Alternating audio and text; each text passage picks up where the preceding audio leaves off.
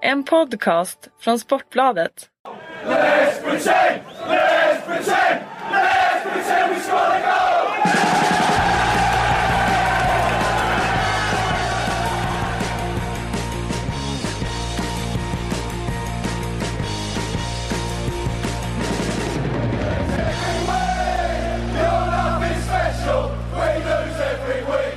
hälsar vi välkomna till Sportbladets Premier League-podd, Sportbladet PLP, som vi brukar använda som hashtag, den känner ni kanske igen. Mitt namn är Patrik Syk, med mig har jag som alltid min eh, Premier League-vapendragare Kalle Karlsson.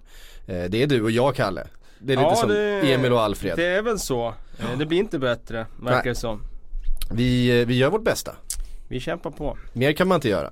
Ehm, rätt mycket att prata om. Vi har fått in jättemycket bra frågor framförallt, intressanta diskussioner. Det är det vi tycker allra bäst om. Men någonstans måste vi ju börja med eh, helgens supermöte ju mellan Manchester City och Tottenham. Liverpool Swansea tror jag skulle säga. Ja, vi, vi, vi, jag duckar den så långt jag, så långt jag orkar. Eh, vi kommer nog komma in på den också för den, eh, den stack ut på sitt sätt. ja. Eh, men vi börjar i Manchester City-Tottenham tycker jag. Ja. Och eh, tre bortslarvade poäng. Och Igen, får man igen. säga. Ja det är inte första gången som City slarvar bort poäng den här säsongen. Nej, det är helt sjukt alltså. När man börjar tänka tillbaka på matcher som de har spelat den här säsongen. Där de verkligen har kastat bort poängen. Där de har varit bra i perioder av matchen där man känner att nu sitter de verkligen i förarsätet. De ska bara sätta i, slå i den där sista spiken i kistan. Och sen har de på något sätt låtit matchen glida ur händerna. Jag tänker såklart på matchen hemma mot Chelsea i höstas där Mm. eh, de spelade väldigt, väldigt bra och tappade den matchen. Eh, jag tänker på den här matchen. Det är fem poäng bara där. Ja, och man ska matcher. komma ihåg, det var inte så långt bort de höll på att göra samma sak mot United där när eh, de dominerade fullständigt, körde över Manchester United i första halvlek. Ja. Sen gör Zlatan det där målet och sen ser det sådär nervöst ut och det, det Ja. känns som det saknas en ryggrad verkligen. Det gör det ju och det där försvaret eh, har ju knappast eh, den där eh, kaptenen, härföraren som Vincent Kompani ska vara och eh, har varit genom åren. Eh, nu känns det som att det är eh, lösa delar som inte heller ens var för sig är speciellt bra.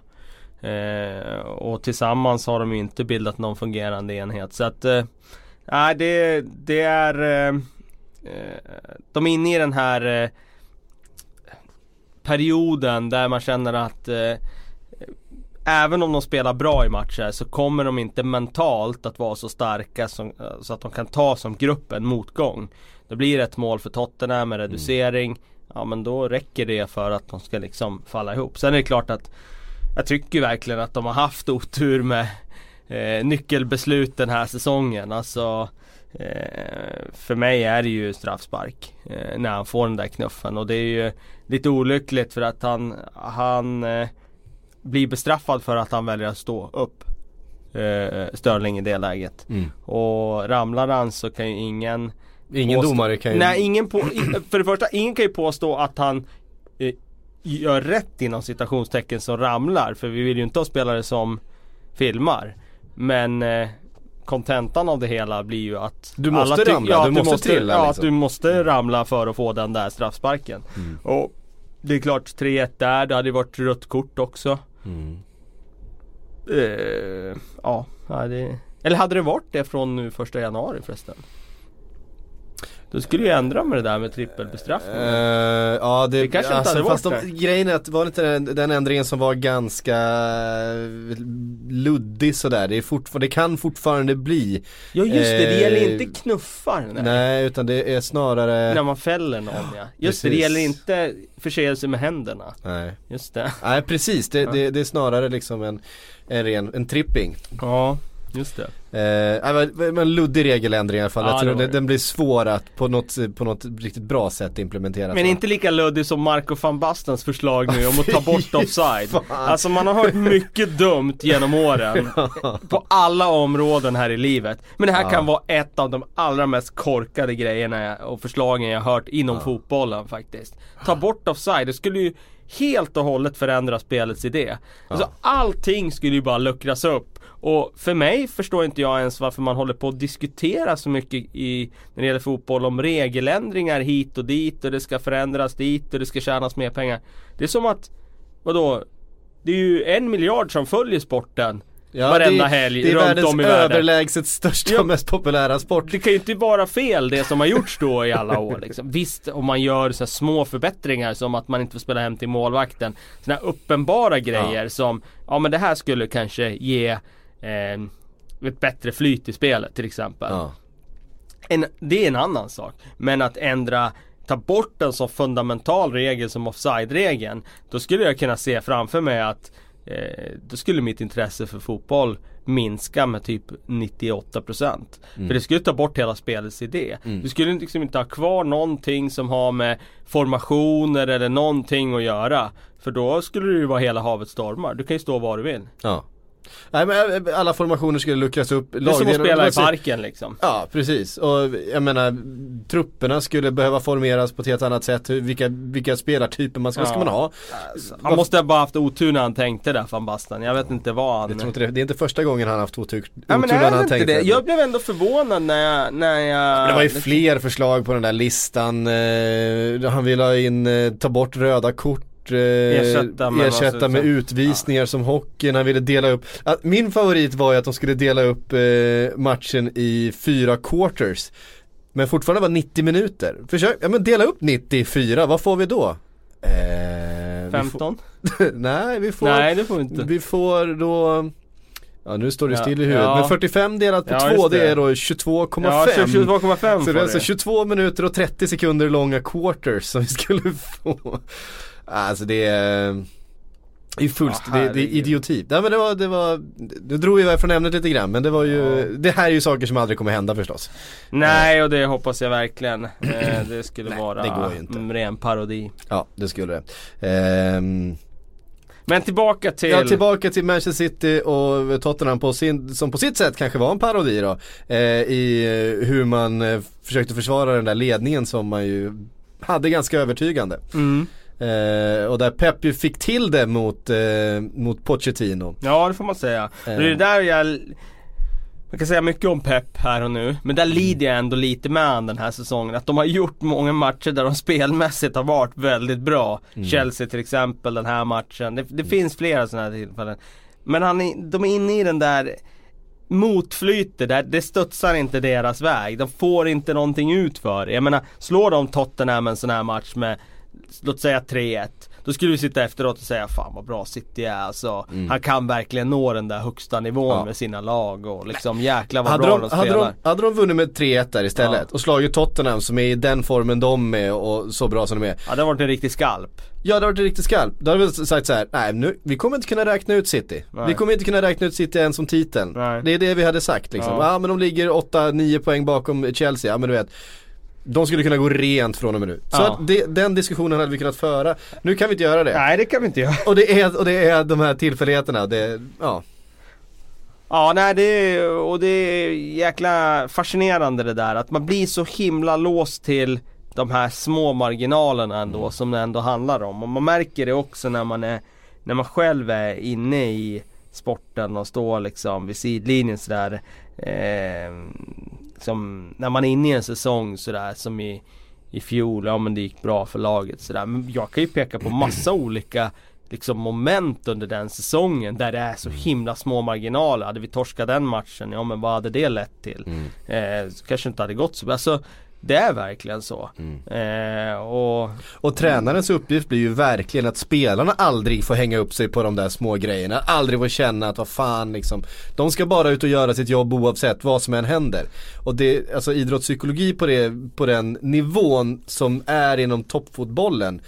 Ja, det vet jag inte om man hittar någon annanstans. Det är ju ja, liksom, den, är, den är komplicerad och den är eh, för det är ju mer än att Verkligen. bara stänga av liksom. Vi ser ju, en, alltså spel, vi vet ju vad de här spelarna kan göra. Straffläggning är en sån här sak som vi återkommer till. Alltså en, en spelare som Agüero. Han sätter tusen av tusen straffar om det inte finns någon press. Ja, han sätter många i alla fall. Ja, nej men alltså det, det är klart att han gör. Alltså, menar, han, han, kan, han, kan, han kan sätta bollen, finns det ingen press kan han sätta bollen vart han vill i målet. Ja, det bör han kunna Där, där målvakten inte kan ta den. Vi har ju sett Sergio Agüero missa rätt mycket straffar. Vi har Ja, sett jo. Messi missa rätt mycket straffar. Jag tror Henke Larsson som är en av de mest pålitliga målskyttarna i världen har ett otroligt dåligt straff, eh, straff, eh, vad säger man, register, straffstatistik. Ja. Och det är ju 100% psykologi.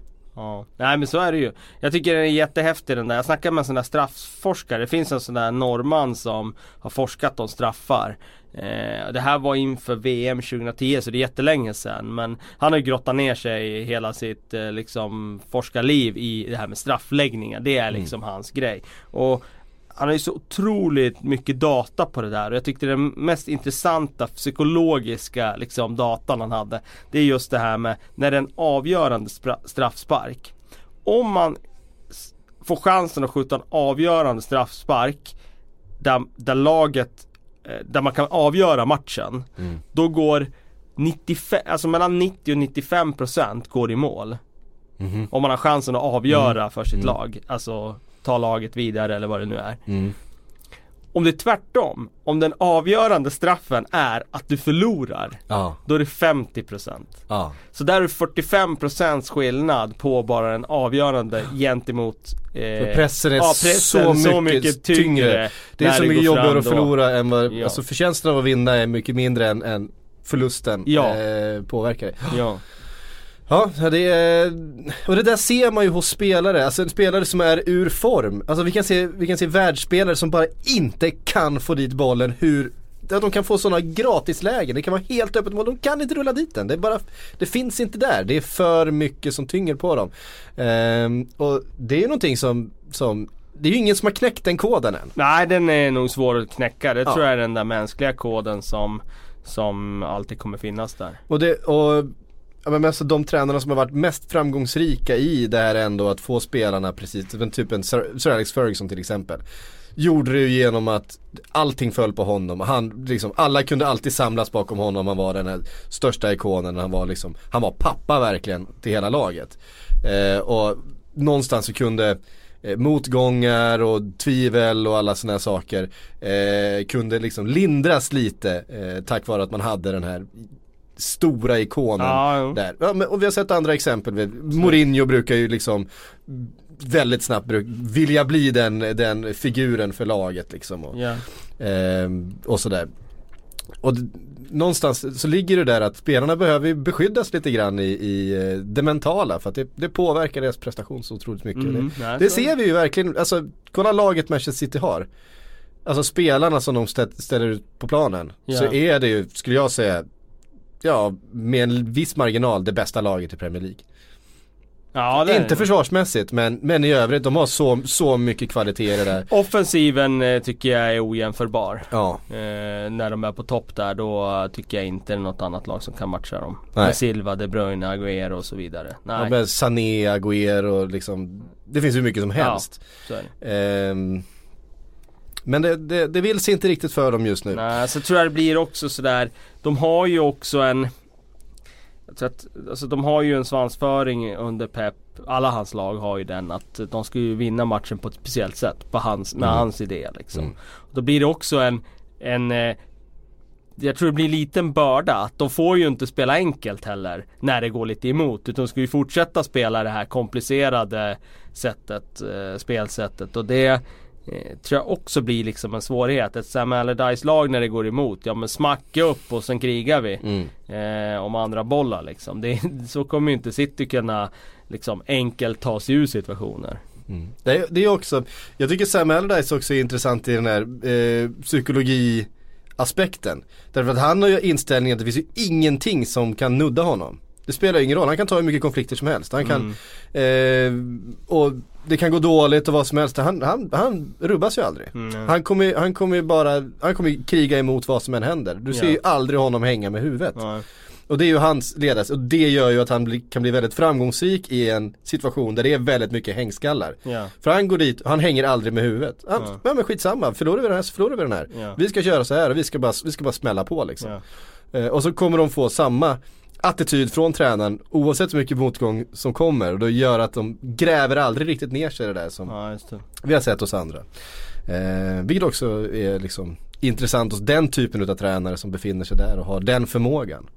vi var inne på det förra veckan med Pep Guardiola att han ser lite, lite hängskallig ut. Ja det kan man eh, lugnt säga att han gör. Alltså, Han har inte- han har inte riktigt den- plågad verkligen av- Den, den, eh, säga, den karisman som en, till exempel Al- Allardyce har. Att det, eh, fuck, fuck you liksom, han bara kör på med sin grej. Att han blir verkligen påverkad utav, utav stämningen här. Ja han har verkligen sett plågad ut de senaste månaderna här när resultaten har gått emot och han känns inte helt eh, balanserad just nu. Nej.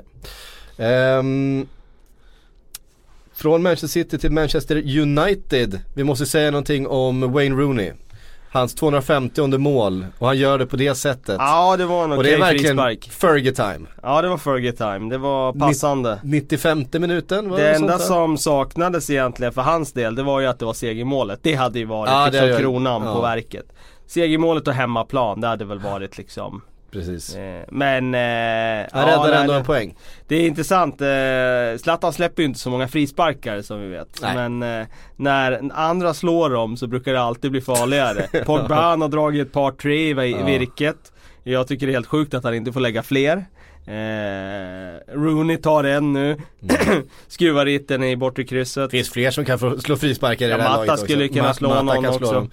Har inte Eh, Herrera skruvat dit någon också? Nej, inte vad jag vet men Blind har väl tagit någon förut för Ja, Ja. Nej, första säsongen han kom. Ja, jag minns inte men eh, eh, Nej men om Rooney, han Han har ju eh, Han har ju det emot sig Att han kom fram så tidigt och såg ut som en spelare som kunde er- erövra världen. Och framförallt egentligen under EM 2004, 18 år Gör fyra mål i EM eh, Blir skadad i åttondelen hade inte han blivit skadad där så sades det att ja, men då kunde England ha gått hela vägen där. Eh, det vet vi inte om de hade gjort men känslan var verkligen det att han 18 år gammal var en nyckelspelare för England i ett EM där de hade ett lag för att gå väldigt långt. Alltså, han låg ju extremt långt fram. Så kom jag tillbaka från det eh, Skadad när säsongen startar, han gör sin övergång till Manchester United, han gör debut Han gör tre mål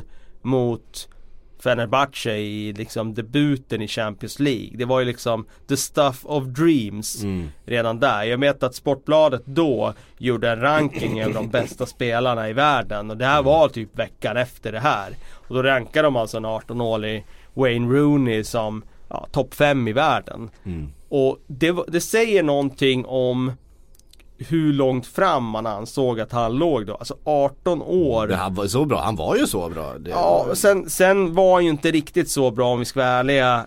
Eh, ju mer tid det gick där den säsongen Mm. så han var en väldigt bra Premier League-spelare men han var ju inte topp 5 i världen liksom. Men eh, det jag liksom ändå känner var att den där liksom raketkarriären han hade den har alltid liksom legat han lite i fatet. Om man, han hade kommit fram som vilken spelare som helst så tror jag att han hade varit mer uppskattad.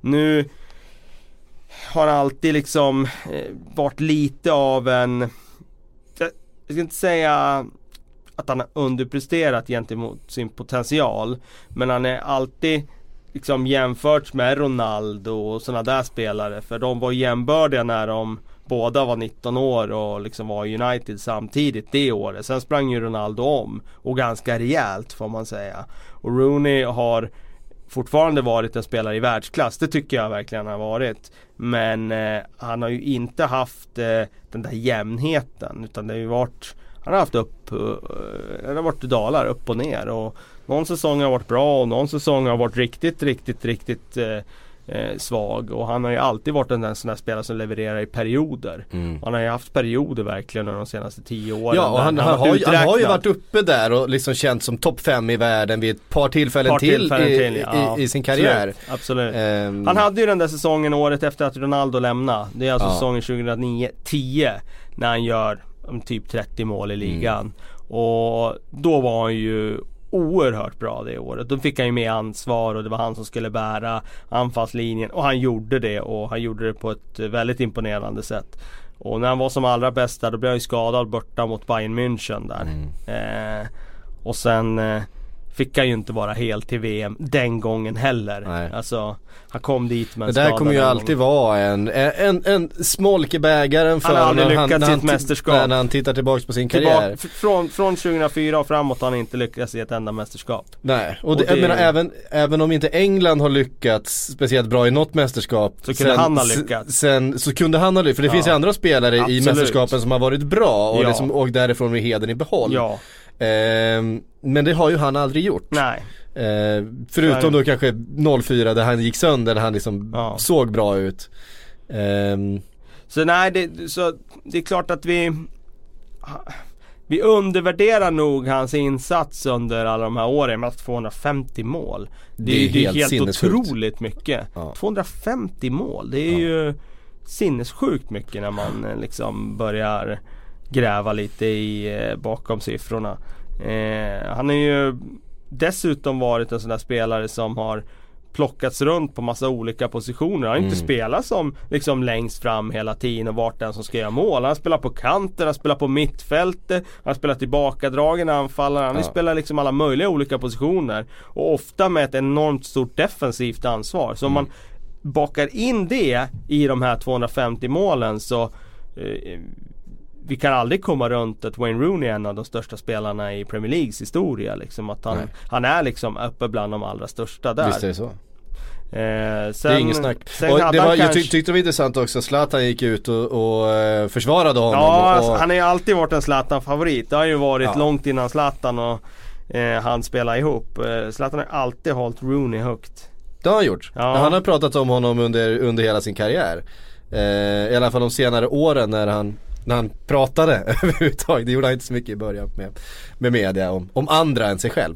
Ehm, men, eh, men visst är det så att, ja, nu är ju engelsk press som vi också kanske för den delen, vi är snabba och vi drar växlar och sådär men, men eh, visst ska man ha en oerhörd respekt för Wayne Rooney.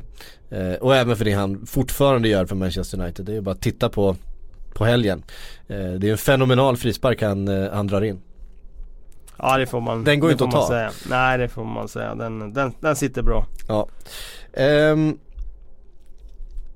Chelsea gjorde vad de skulle mot Hull, vi behöver inte gå in så mycket på det. Ryan Mason åkte på en jävligt otäck skada, har eh, opererats Ja. för eh, den eh, skallfrakturen. Ja riktigt otäck skada. Ehm, Eh, Hall säger ju nu att man hoppas han, att han är tillbaka till starten av nästa säsong och det Ja. är väl för väl. Ja det är, ju, är det är ju det mesta man kan hoppas på liksom. Ja. Eh, alltså man ska ju vara glad om han kommer liksom helskinnad ur det här överhuvudtaget. Så, så allvarlig var ju skadan. Eh, men det är som sagt han har opererat så allting ska ha gått bra under eh, förloppet här. Eh, så vi, vi, vi skickar en, en ett tanke till Ryan Mason. Ehm, en spelare som aldrig riktigt eh, man, man, man tänkte liksom att Ja det var ju en, först tänkte man att det var en spelare som aldrig skulle etableras i Premier League. Eh, sen i så- så 23-årsåldern så tog han sig in där i Tottenham under Pochettino och fick ganska mycket ansvar under en Ja, period. och, absolut. och, så, och gjorde ganska mycket mål och Ja. såg rätt bra ut. Att man tänkte att här finns kanske en, en nivå till men Ja, men jag tror att Hull City det är väl hans nivå Ja, det känns ungefär. väl så, va? Och, ja, vi hoppas han kommer tillbaka, det är det viktigaste. mm. ja, man, gillar, man gillar ju den Ja spelaren. det gör man. Eh. Hard working player. Mm. Absolut, eh, och Chelsea ångar på där i toppen och Diego Costa fortsätter göra mål Ja, nu blir, han, nu blir han ju kvar till sommaren ja, också ja, sådär. Det, det, det, eh, blir han. det blir väl skytteligan på honom då också. Han, Han ser, han, han ser farlig ut. farlig ut Han slipper ju spela i Europa, det är liksom de kan vila upp honom under, han, ja, i veckorna. Så. ja precis. Han får, de får stoppa honom i en sån där burk med lite formal, vad heter det, formalin som man bevarar saker i liksom. Så han, så han håller formen eh, Ja. från vecka till vecka. Ehm, och så kommer vi då till den här matchen som eh, jag egentligen inte vill prata om. Eh, Liverpool-Swansea. Jag tänkte att vi, vi, vi ska inte gå in så mycket på den heller. Det, det är ju som det är liksom. Eh, men det, det som jag tycker är intressant är ju faktiskt Martin Olsson. Eh, för där finns det någonting att säga. De, han kommer ju faktiskt in och, och, och ger dem precis det som Martin Olsson ger ett lag. Eh, han tappar ju markeringen på Firminos nickmål där. Det är ju en oerhört svag försvarsinsats. Det är ju också det man får av Martin Olsson. Men det som Swansea har saknat under stora delar av säsongen det är ju ett kantspel. Lite shining. Ja men lite shiny, men det är ju ett kantspel. Ja. De har ju inte haft något kantspel överhuvudtaget. Modo Barrow har ju inte funnits där och Eh, alltså de som, alltså Swansea som tidigare haft sånt bra kantspel har varit en viktig del. Men det är ju på vänsterkanten och det är ju tack vare Martin Olsson att han är där och river och springer och ger dem lite djup och lite bredd. Som gör att de får till de här lägena och även det, den chansen i början på eh, första halvlek som går i stolpen där från eh, Tom Carroll, det andra nyförvärvet.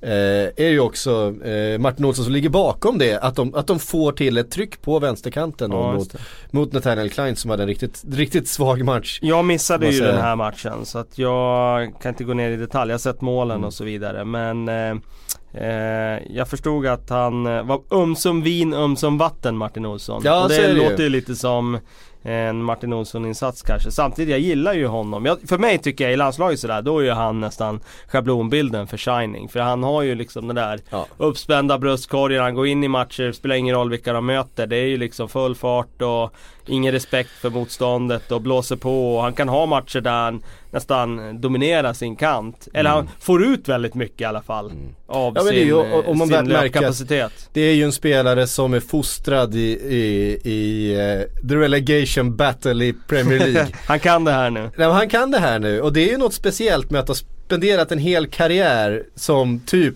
botten sexa i Premier League. Ja, med ja. all den pressen som det innebär varenda vecka och all det liksom med managerbyten och det är liksom men han har ju gjort allt det där. Det är ju den miljön som han har, som han har vuxit upp som fotbollsspelare.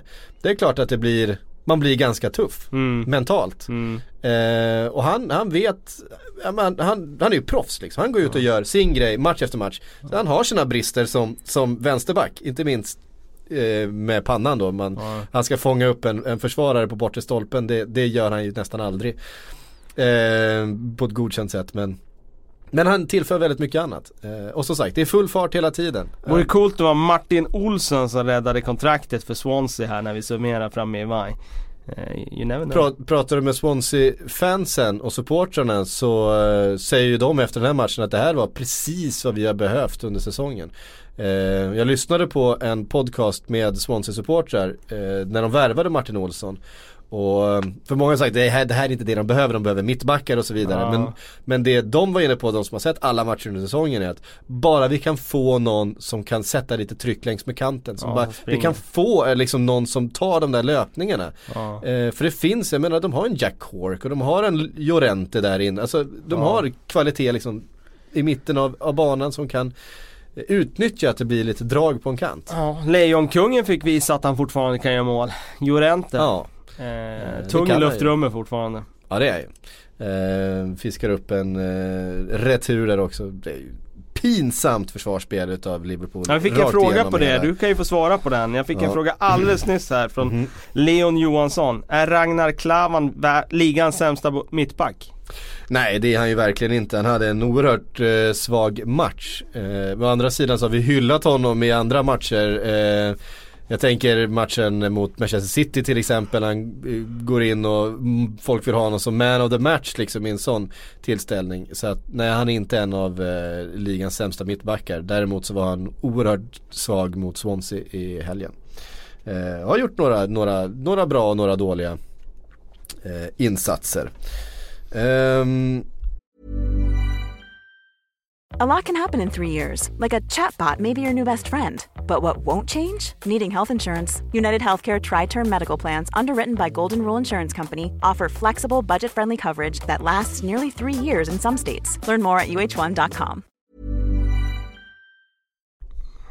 Granit Xhaka tänkte jag att vi skulle säga, säga någonting Ja. om också. Eh, han har inte riktigt blivit det eh, Arsenal-fansen hoppats. Nu nej. drar han på sig ett rött kort igen. Ja. Det här är alltså hans femte röda kort på ett år. Är det det? Ja, Det femte? ja. Han har Ja. ett, ett med landslaget och fyra med sina klubblag. Ja det är mycket. Det är inte bra. Det är inte bra. Eh, och frågan är nu då hur Arsenal ska tänka med sitt centrala mittfält. Eh, där man nu har både avstängningar och skador som, eh, där man eh, normalt sett tycker att Arsenal har hur mycket som helst att gräva ur. Det finns ju hur mycket spelare som helst men eh, nu ropas det ju på Jack Wilshere helt plötsligt. Ja, att de ska precis. liksom plocka hem honom från Bournemouth. Eh, det vore ju tungt för Bournemouth om de skulle tappa honom också liksom. Då tappar de Nathan Ake först och, Jack Wilshere, deras kanske två bästa spelare den här säsongen. Jack the Lad kommer hem och frälser Arsenal, det vore något. Alltså... Jag vet inte ens fall de kan göra, jag vet inte om de har en Nej. sån eh, klausul i det låne, låneavtalet.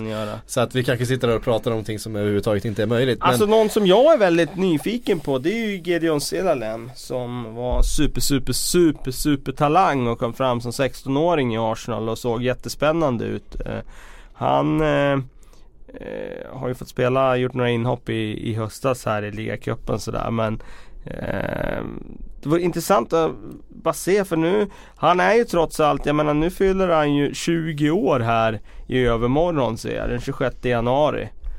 Eh, det borde vara dags snart för honom. Nu har han ju varit Ja. talang eh, väldigt länge. Ja, Nej, men det är ju väl sådär. Det, det där känner man ju igen lite grann att man ser spelare som har Går på rätt mycket rus när de är liksom eh, 16-17 och så kommer ju den där dippen som det alltid gör för spelare i de där åldrarna. Det, de, det är väl jämnheten som Arsen bekymrar sig över inte ska finnas där då. Men eh, Ja vi får ju se hur de löser eh, mittfält. Vi har fått en fråga här om hur eh, vi skulle kunna formera om det där mittfältet.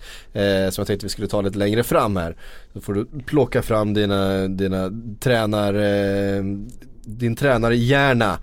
Eh, hur, hur, hur mår den förresten efter 4-0 mot AIK i helgen? Ja, då, den var väl okej. Det var väl ehm, Ja, det var ingen bra insats från vår sida men sett till att vi hade tre seniordebutanter och ställde ut en skadedrabbad elva mot ett lag som, som mönstrar en, en allsvensk elva, en allsvensk seniorelva i alla fall. Det var inte helt ordinarie AIK-lag. De saknar ju och, och, och Fori och Isak och ett par till kanske. Men det var i alla fall en seniorelva de ställde ut. Då, ja, då blir det kämpigt eh, för oss. Och det blev det. Ja, såklart. Um, Hörru du, vi har, eh, vi rev av några av de eh, topplagens matcher här i alla fall så har vi, så har vi liksom redovisat det. Vi har fått några riktigt bra frågor och en del diskussioner som vi har sparat till den här andra halvan utav podden nu då. Eh, jag tänkte faktiskt börja med att eh, ta upp Emil eh, Endre 1986 på Twitter. Han säger, jag vet att Leeds inte är Premier League men kan inte prata lite om dem? Har de någon chans att gå upp i år? Ehm, och från Ludvig LFC på Twitter så fick vi tips om att den här Pontus Jansson-sången, Mm. eh, He wears a magic hat, nu har blivit en riktig sång. Okej. Det är inte bara en, eh, en, eh, en läktarprodukt utan det är någon lokal förmåga Som har gjort en sång som om har gjort en sång utav det med Ja. både verser och refräng. Vi kan väl ta och lyssna lite på den. Pontus Jansson's magic, he wears a magic hat. And if you throw a brick at him, he heads it straight right back. He heads it to the left, he heads it to the right. And when we get promotion, we'll sing this song all night. We've won the league, we've won the cup, we'll always have our pride. We've laughed and cried at Ellen Road, we're Leeds until we die. There's Pablo with his magic, and Ailing with that look. There's Pontus heading bricks all day, we'll never give a fig. Oh, Pontus Jansson's magic, he wears a magic hat. And if you throw a brick at him, he heads it straight right back. He heads it to the left. Visst är det fantastiskt att vi har en svensk med den här, alltså den här statusen i ett sånt här eh, i ett sånt här lag lag, ja, liksom, som, absolut. som Leeds. Ja men det är skitcoolt och det är eh, väl för, alltså, välförtjänt också för han spelar ju verkligen med hjärtat på, Mm. utanpå tröjan liksom och då blir man ofta älskad av fansen och eh, det vore ju superhäftigt om man fick ta sitt Leeds upp i Premier League också. Ligger på playoff-plats idag. Eh, de är 9 poäng från Brighton som ligger tvåa i, i, ligan. Jag tror att det kan bli tufft kanske att ta en av de där två första pl- platserna. Det känns som Men- Brighton och Newcastle är för bra. Ja liksom. det känns som det. Mm. Och då är det ju då en playoff-plats och det, jag menar det är klart att de kan gå upp. Men playoff, alltså det är ju lotteri. Det är Ja. ju fyra lag som alla Jag älskar de där playoff-matcherna Ja de är alltså. skithäftiga och det som är det sjuka var ju där, det var ju flera år jag för mig när jag tittade på det där för Minns inte när det var men Det var ju att det lag som slutade sexa, de lyckades ofta ta sig upp i Premier League det- det är inte helt Eh, ovanligt, Så att, ja. eh, De kommer dit med mest, med mest eh, och vinna och kanske ja. en positiv eh, Medan de liksom, som kommer feeling. trea kanske liksom går dit med viss Besvikna. besvikelse att Mm, man har missat precis. direktplats. Så att, eh, svårt att säga. Det är klart att de kan eh, greja det i år och det vore ju eh, Det vore kul att få tillbaka en sån typ av klassisk klubb i Premier League. Jag kan inte säga att jag bara känner kärlek inför ett lag som Leeds. Eh, det är inte riktigt så man har vuxit upp. Ah, men jag, jag gör det ändå för alltså, det, det är så här alltså de, Man går tillbaka till, jag går ju tillbaka till klassiska lag och man går Mm. tillbaka till där 2001 när de ändå spelar semifinal i, i Champions League. Mark Viduka. Ja, alltså det laget är ju, det är ju fantastiskt alltså. Eh, med Paul Robinson i mål och eh, Danny Mills, eh, Dima, eh, Robert, eller vad säger jag? Alan Eh, Smith var där då va? Eh, Alan Smith på topp med Mm. Mark Viduka, Harry Kewell, Just eh, Dominic Matteo, eh, Le Chief i backlinjen, Radebe. Eh, så ja, det, var, det var ett fruktansvärt bra lag. Strax efter Lee Bowyer. Brolin, hade varit Icke, där. icke att förglömma Lee Boyer, Boyer, ja. Jonathan Woodgate, Ja. Rio Ferdinand, Eh, ja, mycket, mycket bra Ian spelare. Hart på vänsterback. Mm. Ja, det, var Ah, ett, det, var ett, det var ett fint lag. Ja det var det. Vi, var in, vi hade en sån diskussion förra eh, Förra veckan ju. Det får väl kvalificera in sig som ett sånt där lag man eh, Gillade ja. Man gillade. Ja, absolut, absolut. Även att jag någonstans också hatade dem. Eh, bara för att det är Leeds. Hade vi inte en sån där fråga förresten den här eh, veckan om det Jo. med klassiska Jo, lag? det kommer. Så att eh, vi tar med oss den Ja. känslan. Men eh, just Leeds och Pontus Jansson tänkte vi tar upp det eftersom eh, vi fick den här tipset om den här sången. Just det. Eh, och att han verkligen har blivit en sån kultfigur Pontus Jansson. Eh, han, hade, han har ju den här spelstilen. Det var ju samma sak i Malmö när han var där och han slog igenom som som ung, det var ju 100% insatser varje, varje gång man såg dem och det var Han blev ju en fans favorit där också. Ja. Eh, sen några, några tyngre år i, i, i Italien innan han har på något sätt hittat hem där i Leeds känns det som. Kritar väl på tre, treårskontrakt kontrakt nu också va? Eh, I vintras tror jag. Eh, att han gjorde nu. Eh, kring nyår. Från Mm. att han var väl utlånad från början. Kan stämma. Eh, sådär. Ja, det, det är klart att man skulle vilja ha av, Bara av den anledningen skulle man vilja ha ett avancemang för Leeds och en Pontus Jansson som går upp med det här laget som, som du vet det, Den startelvans liksom riktigt stora Ja men ikon nästan. Ja, alltså som jo. deras talisman sådär. Ja. Eh, det hade varit jävligt häftigt. ja, det har varit riktigt coolt. Ehm, här är en fråga som jag fick på mail för en liten stund sedan. Eh, det är en ganska, det är en lite filosofisk eh, tanke här men eh, det kommer från en kille som heter Fredrik Englund. Han skriver med tanke på pengaströmningen som ökar ständigt i England, det pratar vi ofta om. Och de, ständiga, och de flesta fotbollsögonen vänds likt Saurons öga mot Premier League så blir prestigen allt högre att vinna den. Vi brukar ju referera till den som den, den svåraste titeln att vinna i världen. Eh, Eftersom alla topptränarna i Europa väljer att söka framgång i Premier League så behöver också samtliga fotbollsspelare eh, förutom Sydafri- sydamerikaner och Axel Witzel också sö- söka sig ditåt snart. Eh, ja, det får stå för Fredrik. Därav min fundering. Om nu Chelsea vinner ligan i år, då är det andra säsongen i rad ett, ett lag utan Europaspel vinner och snart borde man kunna bekräfta för gott att Europaspel för laget som ham, eh, hämmar placeringen i den inhemska ligan. Ja, nej, det, men så, är det ju. Så vi, det, det, Så det, det kan vi ju slå fast Så att det, det är en Det hävdade jag för fördel. många år sedan. Det var många läsare då vill jag mena som, Mm. som hävdar motsatsen. Men jag hävdar ju prompt att det är en ryggsäck att spela i Europa. Precis, att ha ett lag som kan, låt mig använda Kalles favorituttryck, slåss på flera fronter känns eh, 2017 och framåt som något ett engelskt lag kommer få väldigt svårt att göra. Eh, så vad kommer då vara viktigast i framtiden rent ekonomiskt och prestigemässigt? Att ett, slåss i toppen av Premier League utan att vinna och sen inte, att, och sen inte räcka eh, tillräckligt ute i Europa. Eh, vinna Premier League och sen vila allt vad iskalla matcher i Moskva en tisdagkväll och allt eh, det innebär. Eh, helt enkelt kommer Premier League bli så pass viktigt för spelarna, klubbarna, tränarna att placera sig, att kanske slåss om titeln, att man prioriterar bort Europaspel helt och hållet, även om det innebär Champions League.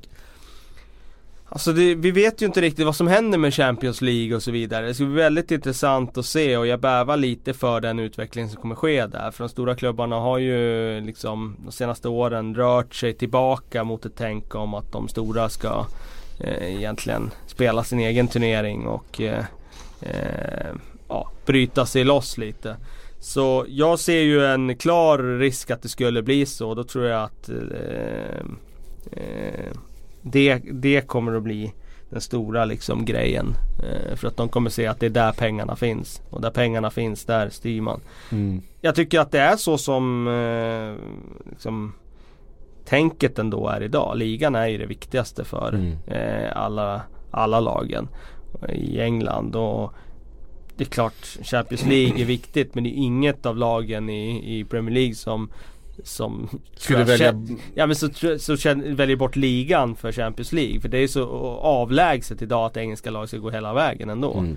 Så eh, känslan är att de prioriterar ligan. Mm.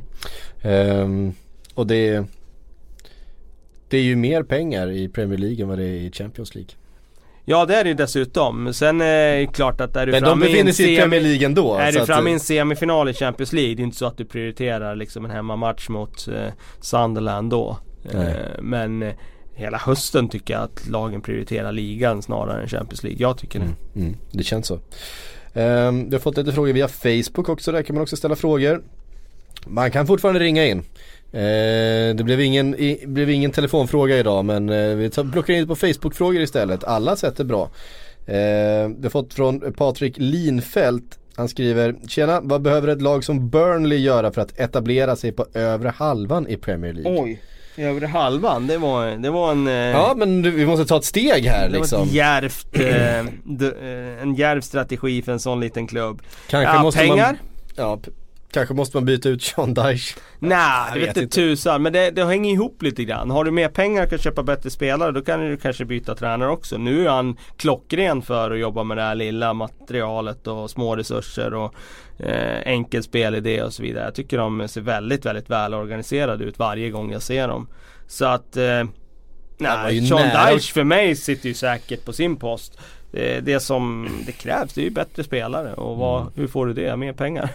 Mm. Det var ju på håret att de eh, knep en po- poäng mot Arsenal i helgen Ja. till exempel. Eh, Skulle väl ha haft den om inte linjedomaren hade Precis. eh, missat en offside där va? Allt går Arsenals väg just nu känns det som. Ehm, ja utanför Granit Xhaka då. Ehm, Erik Rudevall, nu kommer vi in på det här som vi pratade lite grann om med Leeds. Ehm, vet inte, eh, han skriver så här. Vilka 20 engelska lag skulle enligt er uppgöra den perfekta Premier League? Eh, Då är det alltså inte de 20 bästa lagen jag är ute efter utan exempelvis anrika klubbar vars storhetstid är förbi och eh, han tänker sig att lag som Sunderland, Hull och Bournemouth skulle ge plats för Leeds, Wimbledon och Newcastle. Sunderland tycker jag att det är som ett klassiskt eh, engelskt lag, eller hur? Man vill ju ha Ja det, det är de väl eh, i och för sig då. Jag vet, jag bollade den här frågan till dig innan så jag vet att du Ja. har förberett lite grann Ja, hur, du, jag, hur du eh, sån här vill man ju tänka lite grann på. Mm. Det, det vill man ändå göra. Så Ja. här har jag ändå gjort en lista då på de som jag Och det här är ju i och för sig, det här kan man vända och vrida på hur mycket man vill och man Det här är kommer, svårt. Det här är svårt och man kommer alltid utelämna någon. Mm. Men min lista blir då Arsenal, Manchester United, Chelsea, Liverpool, Tottenham, Wolverhampton, West Bromwich, QPR, Leeds Newcastle, Everton, Southampton, Manchester City, West Ham, Sunderland, Blackburn, Leicester tar jag med, Norwich tar jag med, Aston Villa och Sheffield Wednesday. Mm. Sen kan man alltid vända och vrida och liksom Niklas Holmgren skulle ju såklart eh, slå ett slag för sitt Ipswich och det är klart att eh, Eh, det går Nottingham att Forest argumentera som, eh, för Wimbledon också. Nottingham Forest givetvis om vi går tillbaka i tiden och snackar 70-tal och, och ehm, före Premier League-eran så ska ju givetvis ett Nottingham vara med. De var uppe på 90-talet också men jag menar Norwich, första säsongen i Premier League eh, 92-93, då slutade ändå Norwich trea i Premier League. Det är ett klassiskt lag eh, Norwich City och de har varit uppe sen i flera olika omgångar efter det. Så jag vill ha med mitt Norwich. Jag går tillbaka till Robert Fleck och och den där typen av spelare som var riktiga profiler i början av Jag Premier tror att det är det första laget jag hade bytt ut från din lista Ja, faktiskt. okej, ja. Uh, on the ball city, du vet. Uh, Norwich har sin plats. ja. Sen kan man ju såklart argumentera för Jag menar Borough, de var ju stekheta där Ja. med Mendieta och liksom den eran. Mm. Eh, Bolosänden. Eh, ska de in på en sån här lista? Så de har ju också varit eh, eh, har haft sina år så som framträdande. Mm. Leicester, ska de vara med som klassisk klubb? Ja, jag tycker att de kvalificerar sig nu med förra året. De blev ju klassiska av det. ja. Bara av att vinna ligan på det sättet. Så att, eh, det, är ju givetvis jättesvårt att göra en sån här lista men Mm. jag gjorde den och jag valde de där lagen. Ja, jag tycker det, det, är, det är väldigt roligt. Sen är- får man ju också, hade det varit en förskjutning i år, säg att vi har gått ner lite grann på 80-talet där, men då hade ju Mm. Wimbledon varit med. Ja, Eh, ja med, med sitt crazy gang och, Crazy Gang och så vidare. Ja, Eh, eh, och det finns ju, ja det är ju Det är någonstans det man Bolton, ska de vara med med JJ och Kocha och Sam Allardyce, Kevin Davis och så vidare? Ja, man kan ju argumentera för det men ja, jag valde de här. Ja, det finns ju fler än 20 klassiska fotbollsklubbar i Men- England, så ja, är det ju. Det så är finns det ju ju. gott om dem. Men jag menar Norwich tredje plats i Premier League 92-93, den är ändå, alltså Ja, ja den är... Den snackar man inte bort, Nej, tredje verkligen plats. inte, verkligen inte. Fatta tredje plats idag liksom. Blackburn är med för sin satsning på 90-talet där och Ja men de har ändå vunnit ligan. De har vunnit De ligan. har vunnit ligan och det Ja. väger ju tungt. Ja det gör ju det. Och det var ett klassiskt lag med Mm. Alan Shearer, Chris Sutton, David Batty, Graham Lasaw, Tim Sherwood. Ja det var Colin Henry, får inte glömma honom. Mm. Ja det var Det var också ett klassiskt lag. Det kommer säkert eh, en, en, en annan generation, eh, om de lyssnar på det här, eh, höra av sig och, och vilja ha in eh, några andra, till exempel ett Ipswich eller Ja, Ja, Wolves, precis, Wolves, tycker- Wolves hade du med, de, de Ja, är ju stora eh, Wolves tog jag med och de är ju en väldigt, väldigt klassisk klubb Mm. och de har varit uppe i ett par vändor i Premier League och därför tycker jag att de hade sin plats. Eh, Men eh, det är klart att det går att argumentera för andra klassiska lag här. Mm. Ehm, jag har fått en fråga från Fredrik Johansson eh, och han vill att vi ska prata lite grann om det där mittfältet eh, hos Arsenal eller egentligen formationen. Han säger vad tror ni om en 4-3-1-2 för Arsenal? Bra för Ramsey och Giroud som presterade i EM. Eh, då, alltså en Ja, en 4-3 diamant. Ja 4-3-1-2 så blir det ju en diamant. Mm. ehm, kan man säga. Alltså, Jag vet inte hur de skulle ställa upp riktigt grann. Vem hade du haft som, eh, som eh, släpande ankare där i, i eh, diamanten? nej Özil hade det blivit som tia. Ja, som, men jag tänker längst bak. Ja längst bak. Mm. Eh, ja, det hade ju varit Coquelin om han hade varit hel. Mm. Cazorla, Ramsey kanske på varsin kant. Om de sen- hade varit hela. Om de hade varit hela. och sen eh, Özil, spetsdiamant och sen eh, Sanchez Giroud längst fram. Men jag, jag tror inte på det där att eh, lag som har varit så framgångsrika haft en så klar identitet i så många, många år med kantspel. Arsenal, Mm. de hade ju den traditionen ända från Pires Ljungberg framåt sen på väldigt mycket speed på kanterna, ta sig förbi där. Eh, Overmars. och, ja, då var vi ännu tidigare men skapa två mot en och det här. Nej, jag, Ja. jag tror inte att gå, gå ifrån det där. Sir Alex gjorde ju ett försök där ett tag. Också en annan klubb som har jobbat konsekvent med liksom kantspel. mm. Han testade ju diamant men nej, det funkar inte i längden liksom. En enskild match, ja absolut men Mm. inte över tid. Alltså ta bort en så viktigt ett så viktigt anfallsvapen. Nej. Nej. Jag är förtjust i diamanten annars. Jag, Du tycker, gillar diamanten. Jag gillar diamanten. Jag gillar att Mycket spela. för glim, eh, bling bling, det är det. Ja, det måste vara så. Ja. Eh, David Alehed eh, undrar, skulle Lasse Lagerbäck klara sig i Premier League i ett Lagerbäcks lag, till exempel eh, West Bromwich eller eh, Crystal Palace? Det är ju typiskt att han väljer sådana lag då som har en mer defensiv han? inställning. Crystal Palace eller West Bromwich? Ja. Ja.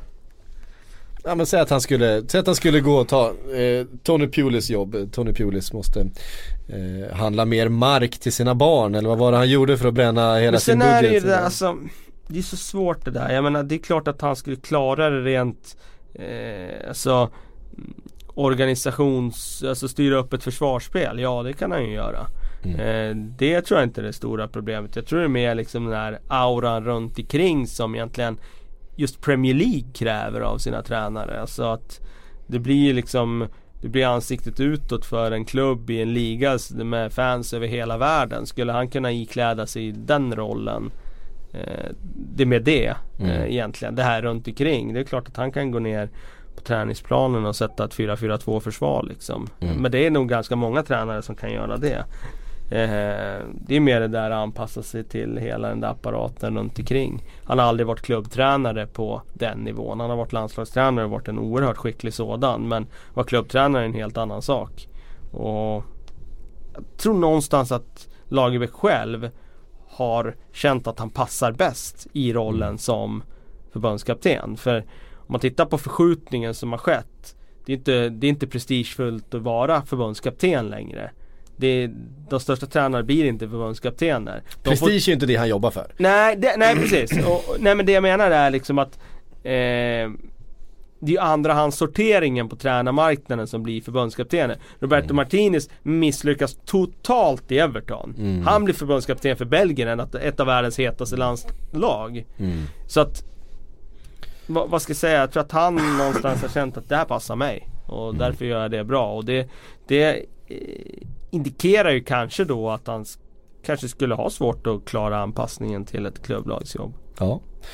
Ehm, Det skulle i alla fall vara en omställning. Mm, om vi, vi, vi, du kan väl nästan ta och vända på det för då har vi en Claudio Ranieri som, som inte funkar som förbundskapten. Vi såg vi ju i Grekland. Ehm, som ju var en katastrof verkligen.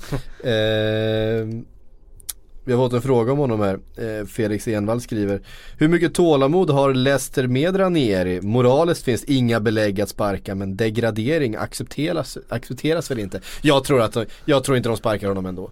Jag tror att... Om eh, de skulle åka ur? Ja, jag tror inte Ah, det. jag tror att han själv skulle kunna gå efter det. Det skulle han möjligtvis kunna göra, Att men- han känner att jag har gjort mitt liksom. Men, men för det första, jag tror inte att de åker ur. Det är nummer ett. Nej, jag tror inte heller det. De kommer klara sig. Men eh, jag tror inte Leicester kommer sparka heller. De har ju visat extremt stort tålamod med sina tränare och där gjorde ju eh, man en missbedömning då, bo, både när det gäller Nigel Pearson som man trodde skulle få sparken och så vände ju han trenden under Mm. våren där. Sen fick han sparken i alla fall. Ja, på grund av andra saker. Ja. Ja, precis. Eh, det var en ganska smutsig historia där. Ja, får man säga med grabben och Ja, Thailandsresan precis, och ja, det var inget, inget trevligt Nej alls. det var inget trevligt. Eh, och sa, samma sak med eh, tidigare också. Eh, visat väldigt mycket förtroende för sina tränare. Inte liksom tryckt på den här eh, panikknappen. Så att eh, eh, jag tror att de har tålamod och skulle det gå så illa så att de åkte ur då tror jag Ranieri själv kommer att kliva av innan Leicester har eh, sparkat honom.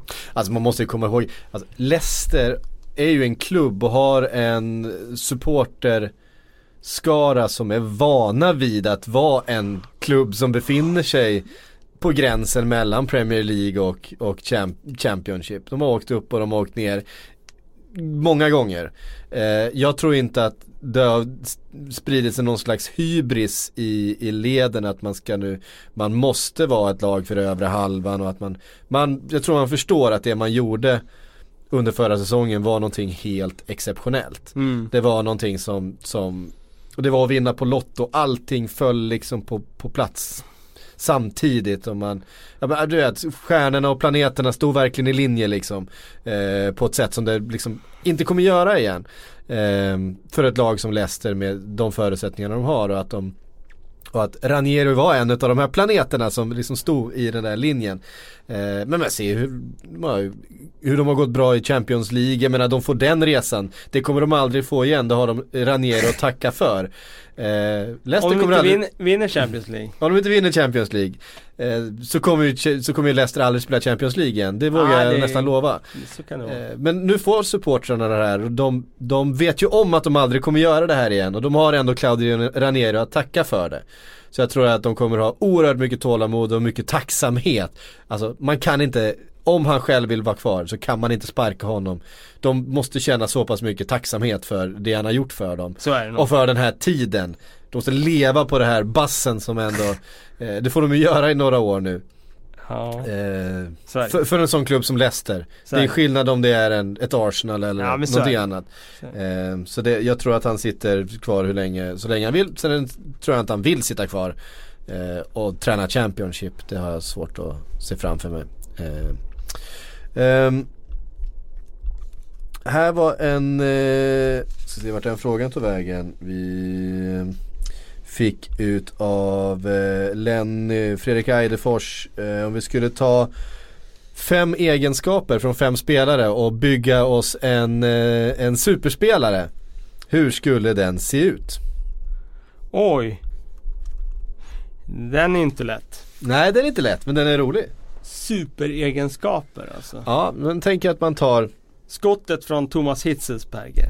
Men han spelar inte längre i Premier League. inte eh, vi, ska får ta, aktiv- vi får ta aktiva Premier League-spelare. Aktiva.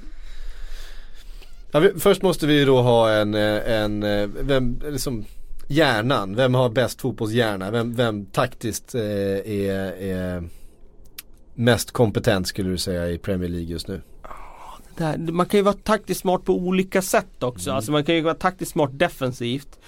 Och man kan vara taktiskt smart offensivt. Alltså Özil är ju taktiskt smart offensivt. Jag skulle Mm. inte säga att han är taktiskt smart defensivt jämfört med Kanté till exempel. direkt. Så den som har både och som jag Men det liksom kanske är två egenskaper då? Ja, då får vi plocka... men det, vi, vi ska ha fem egenskaper. Det är ganska Ja. mycket ändå.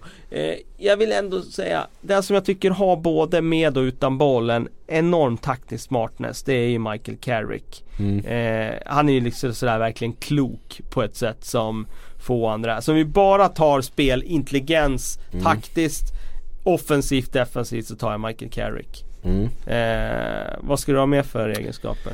Eh, man tänker de här spetsegenskaperna, man kanske skulle ha Manés speed liksom. Med Ja, boll och ja. hans, hans, hans ryck. Ja, när det gäller re, ren speed så, så kan det nog vara Mané. För han har ju Ja. både kvickheten på första metrarna och även på längre sträckor. Och med boll dessutom. Och så han kan- speed Mané.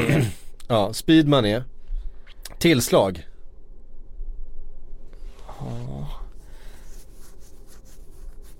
Finns ju några stycken med, med, med bra fötter.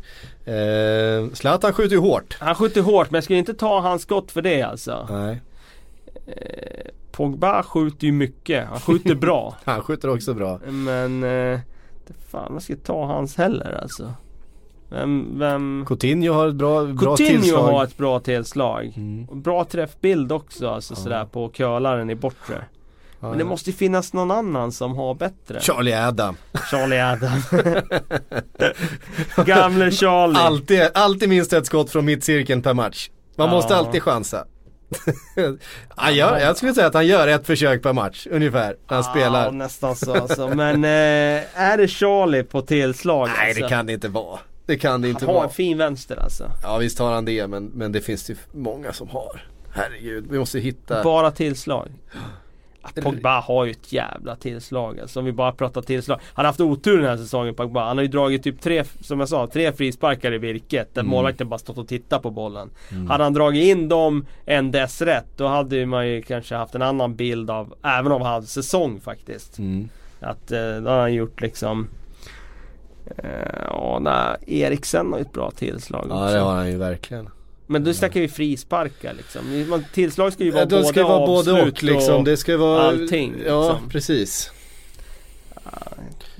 Paul Scholes hade ett bra tillslag. Han hade en bra bollträff. Gerard hade ett ganska Han bra hade, han tillslag. hade ett bra tillslag också. Lampard hade också ett ganska Ja. bra tillslag. De tre var rätt kända för sina Ja, tillslag. ja, får man säga. Det Får man ändå så. säga. Nej men Det har sjunkit lite standarden i Premier League just när, När det gäller just distansskott och Ja. sådär, ja. Det får man nog ändå säga. Men vi tar Pogba där då. Mm. Så då har vi Michael Carricks fotbollshjärna, Pogbas tillslag, Mané. eh, Manés speed. Ja, när det handlar om dribbling, alltså ska vi ha dribbling Ja det får vi ha. Då är det ju för mig Eden Hazard. ja. Eh, som har liksom bollen limmad vid foten. Eller, eller Traoré eh, från eh, eh, Hall. Eh, ute på kanten. Nej, vad, Nej, Adama Traoré menar Adama, du från- Adama Traoré från, från Middlesbrough. Middlesbrough. Ja, Precis. nej, Ibland. han är bara speed egentligen. Han skulle utmana Mané på Han speed. har överlägset hö högst statistik i, i successful Dri- dribbles. Jo men han, han gör ju inget annat än att dribbla heller. Och deras Nej, spel nej. bygger ju på att han ska kontra, han ska dribbla. så ja, att, men, eh, men, men man ska plocka en statistik egenskap. visar inte allt. Ja, han ska Eh, plocka en egenskap. Han, ja. har, han, är, han har bra i futsal tror jag. Eh, ja, kanske. Men eh, nej men Hazards eh, teknik Hazard, ju... eh, teknik så. Ja. Om rent tackling så, bollvinnaregenskaper då måste det ju bli Kanté. Alltså i, ja det skulle jag säga. Det kan ju vara Martin Deron också i, eh, eh, eh, i Middlesbrough. Men Mm. eh, nej, N'Golo Kanté, Det var Wanyama, en, eh, Wanyama en, är en, stark. en, en, en god bollvinnare också. Det är han. Det är ju mer Mm. eh, om vi kör eh, utfallssteg. Eh, då tror jag han är stark. Starka ben på ja, honom jag tror, alltså. jag, jag tror han är stark då. Ja, verkligen. Eh, va, ja, väl då, Kanté eller Wanyama?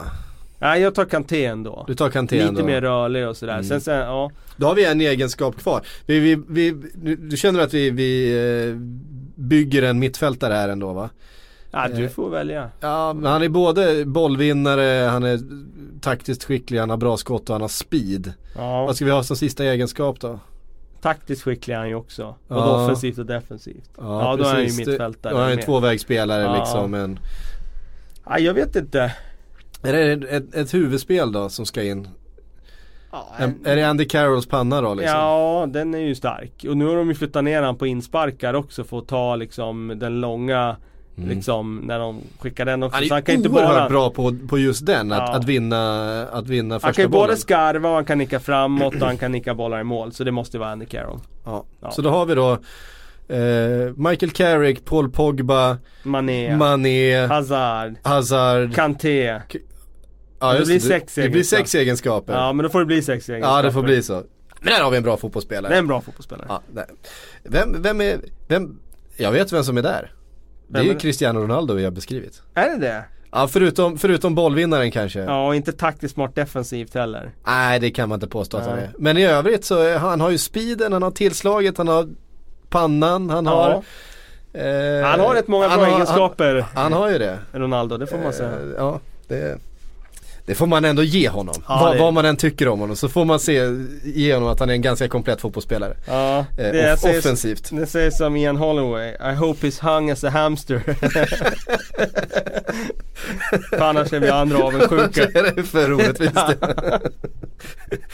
Ian Holloway alltså, vilken jävla kille det är. Legend. Ja, underbar. Ehm, Lukas Larsson, vi har tid för två frågor till. Lukas Larsson eh, skriver, vilken Premier League-arena är svårast att spela på tror ni? Oj. Eh, Britannia är en sån här klassisk Ja, eh, svår då. arena. nu är det tillbaka, win the night at Stoke. ja men det är ju så.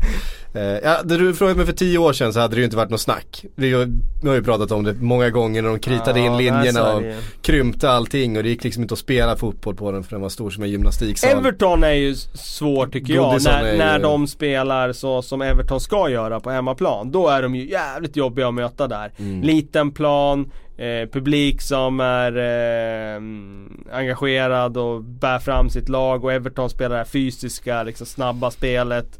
Eh, krigar om andra bollar. Så ja, jag skulle säga Everton. Men Mm. de har ju inte visat det alla gånger de senaste året. Men eh, Everton när de spelar så som de eh, kan göra på, Everton, eh, på hemmaplan, då är de riktigt jobbiga att möta. Alltså Turf Moor har ju varit en av de jobbigaste Ja, planerna den här till- säsongen. Sett till hur svaga de är annars. Ja precis, för de, de tar ju alla sina poäng på hemmaplan. Typ ja. Eh, om man säger i andra änden så Manchester United, alltså eh, Old Trafford är ju med den här jätteplanen. De har ju störst, störst spelyta av alla eh, i ligan. Eh, Har de det verkligen? Det är ju 68 bredd på den tror jag. Precis som Friends Arena, så den är inte större än så. Det måste vara fler lag som har som har det planmåttet. är inte det inte en klassiker? 105 gånger 68 ja. Mm. Är inte det en klassiker att Old Trafford har så stor plan att det, Ja och den, den är ju stor men det måste vara fler som har den eh, bredden. Det tror ja, är jag. mycket möjligt. Eh, Men de, de, har, de, de har ju full bredd. Det har de ju. ja, ja, det är svårt för, för lag som vill vara kompakta där. Och att det, Så är det. det finns alltid utrymme att springa runt på en kant. Så är det. Eh, Sellers Park kanske man ska nämna där också. Inte den här säsongen i och för sig, det har ju varit Ah. väldigt, väldigt svagt. Nej det vete fan om jag håller med där alltså. eh, det har ju varit en eh, käm- kämpig arena med mycket, mycket Jag tänker mycket Liverpool där och 3-3 och Dwight Gale. Ja, jo i och för sig. Eh, det kanske, jag kanske är skadad. Ehm, sista frågan då, före vi knyter ihop. Lars Andersson har skrivit på Twitter. Hur bedömer vi supertränarnas insats hittills? Det har ju varit mycket, det var ju mycket snack inför säsongen. Ja det är ju då Guardiola, Mourinho, Klopp, Conte. Pock får vi ta in där och också. Po- Pochettino får vi ta in där också. Nej men eh, Conte kan ju inte få annat än 5 av 5. Det är Nej. liksom, det är ju såklart. Wenger eh, tar vi väl också in där. Ja, jo det. Eh, det är väl 4 av 5 ändå, eh, tycker jag. Eh, det är klart, om man bara isolerar det till att de är 8 poäng bakom Chelsea så Mm. är det inte 4 av 5. Men Nej. Chelsea har varit sjukt bra också. De har ju tagit... de vann ju 15 raka eller Ja, det men nu var i princip, i rad liksom. liksom. så att det är svårt att... Pochettino tycker jag också är, det är ju... Ja, det, jag skulle säga att det är 4 av 5, 5 av 5, snudda på 5 av 5. Alltså de har 46 poäng, de har ju mer poäng nu än i, vad de hade i fjol vid den här tiden tror jag. Mm. Eh. Det, så är det nog ja. Mm. Ja, jag tror nästan det alltså. ja. Liverpool 45 av eh, liksom eh, av ett material som inte är super. Eh, det är en budget som inte har liksom varit i närheten av de andra tränarna. Jag tycker lätt det är 4 av 5. Eh, hade det, hade Jag tror fått, också det var, alltså jag tror vid årsskiftet var det det högsta som Liverpool har haft under hela Premier League-eran. Ja du ser. I, I poängsnitt. Ja du ser. Mm. Eh, och hade du i somras fått eh, möjligheten erbjuden att säga så här, ni kommer ligga fyra i ligan den 23 januari, 24 januari. Då hade du sagt ja, ja men det tar jag. Mm, ja absolut. Ja, ja. så det, då är det ju fyra av fem. Mm. Manchester City, där skulle du nog kunna sätta en eh, tvåa. Tvåa. Tvåa. Ja, jag tror inte att, att det är mer med det Ja, materialet tvåa, och... godkänd liksom. Sen har han haft otur där med skadan på kompani men det får man ju väga in också. Sen, det har lovat mycket när de varit som bäst. Mm. Men det har också eh, varit djupa dalar. Så för mig två av fem. Mm. Där kan jag sträcka mig. Jag, sk- jag, skulle nästan, jag skulle nästan säga att segern mot Barcelona är det som räddar säsongen lite Ja grann. lite Det- så faktiskt. Lite så. För där, där visar de ju hur bra de faktiskt kan vara under, under Men samma Pep. sak, samma sak här får man ju säga också med Pep då och visserligen man tar in det här med stor budget och det där. Mm. Att eh, om du isolerar det till 12 poäng efter Chelsea så är det inte god. Då är det ju Då är det ju på- ett då plus, två, liksom. Ja men då är det ett plus. Mm. Men om Chelsea hade gjort en normal säsong och legat på nu, legat på Men 45 som de andra, 40, liksom. Ja men Ja. 46, 47. Ja. Då hade de varit fyra poäng från serieledning. Då hade Mm. det ändå varit uppe på så här, ja men det är en ny klubb, det är en ny liga. Mm. Ja men de har gjort okej ändå, tre av fem då kanske, eller två av fem eller nå- någonstans där liksom. Mm. Alltså mycket handlar ju om att eh, toppsexan har varit så pass stabil som den har varit och Chelsea har sprungit iväg.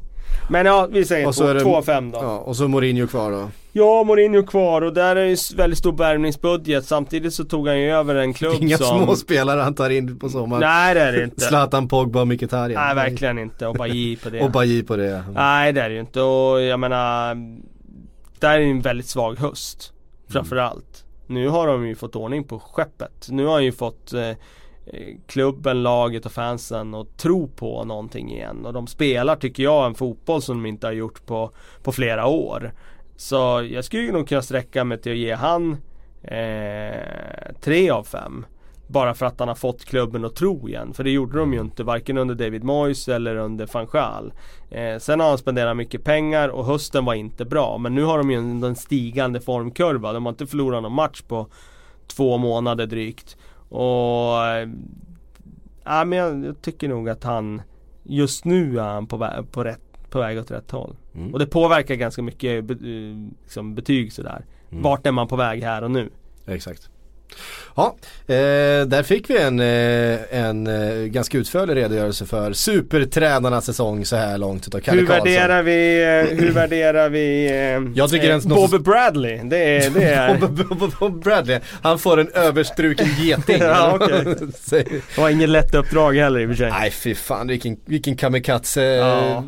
Kontrakt han skrev Ja, där alltså. han. Jag tror han måste ju fattat att han, alltså det var ju liksom, jag sätter min sista Ja, 20, men- jag sätter min sista 20 på Jo på- men, men jag kan ändå förstå han sådär. Du vet när chansen dyker upp, Premier League-jobb. Det är klart som fan du hoppar på tåget liksom. Studsa Men bollarna alltså, in liksom så, så, så kan det vara, alltså Det- det, du vinner mer än vad du, vad du förlorar Det kommer liksom. alltid stå i hans CV, han har varit Premier League-tränare. Alltså, ingen kan ta det ifrån honom. Det är liksom, det, han kommer alltid få jobb på att han har varit tränare i Premier League. Han Vi kan kan hylla till... Paul, Paul Clement då när vi, säger, alltså som Ja, har kommit in och, och tagit två raka segrar här för, Ja, eh, för Swansea. Men eh, också det där med, jag menar Vi ska ju inte vara den som dömer Bob Bradley. Jag menar han, han, hans livsmål kanske var Bara skriva in Premier League-tränare i CVt, åka till eh, Qatar och plocka stålar liksom. Det är Mm. bara att gratulera om man lyckas med det liksom. Absolut.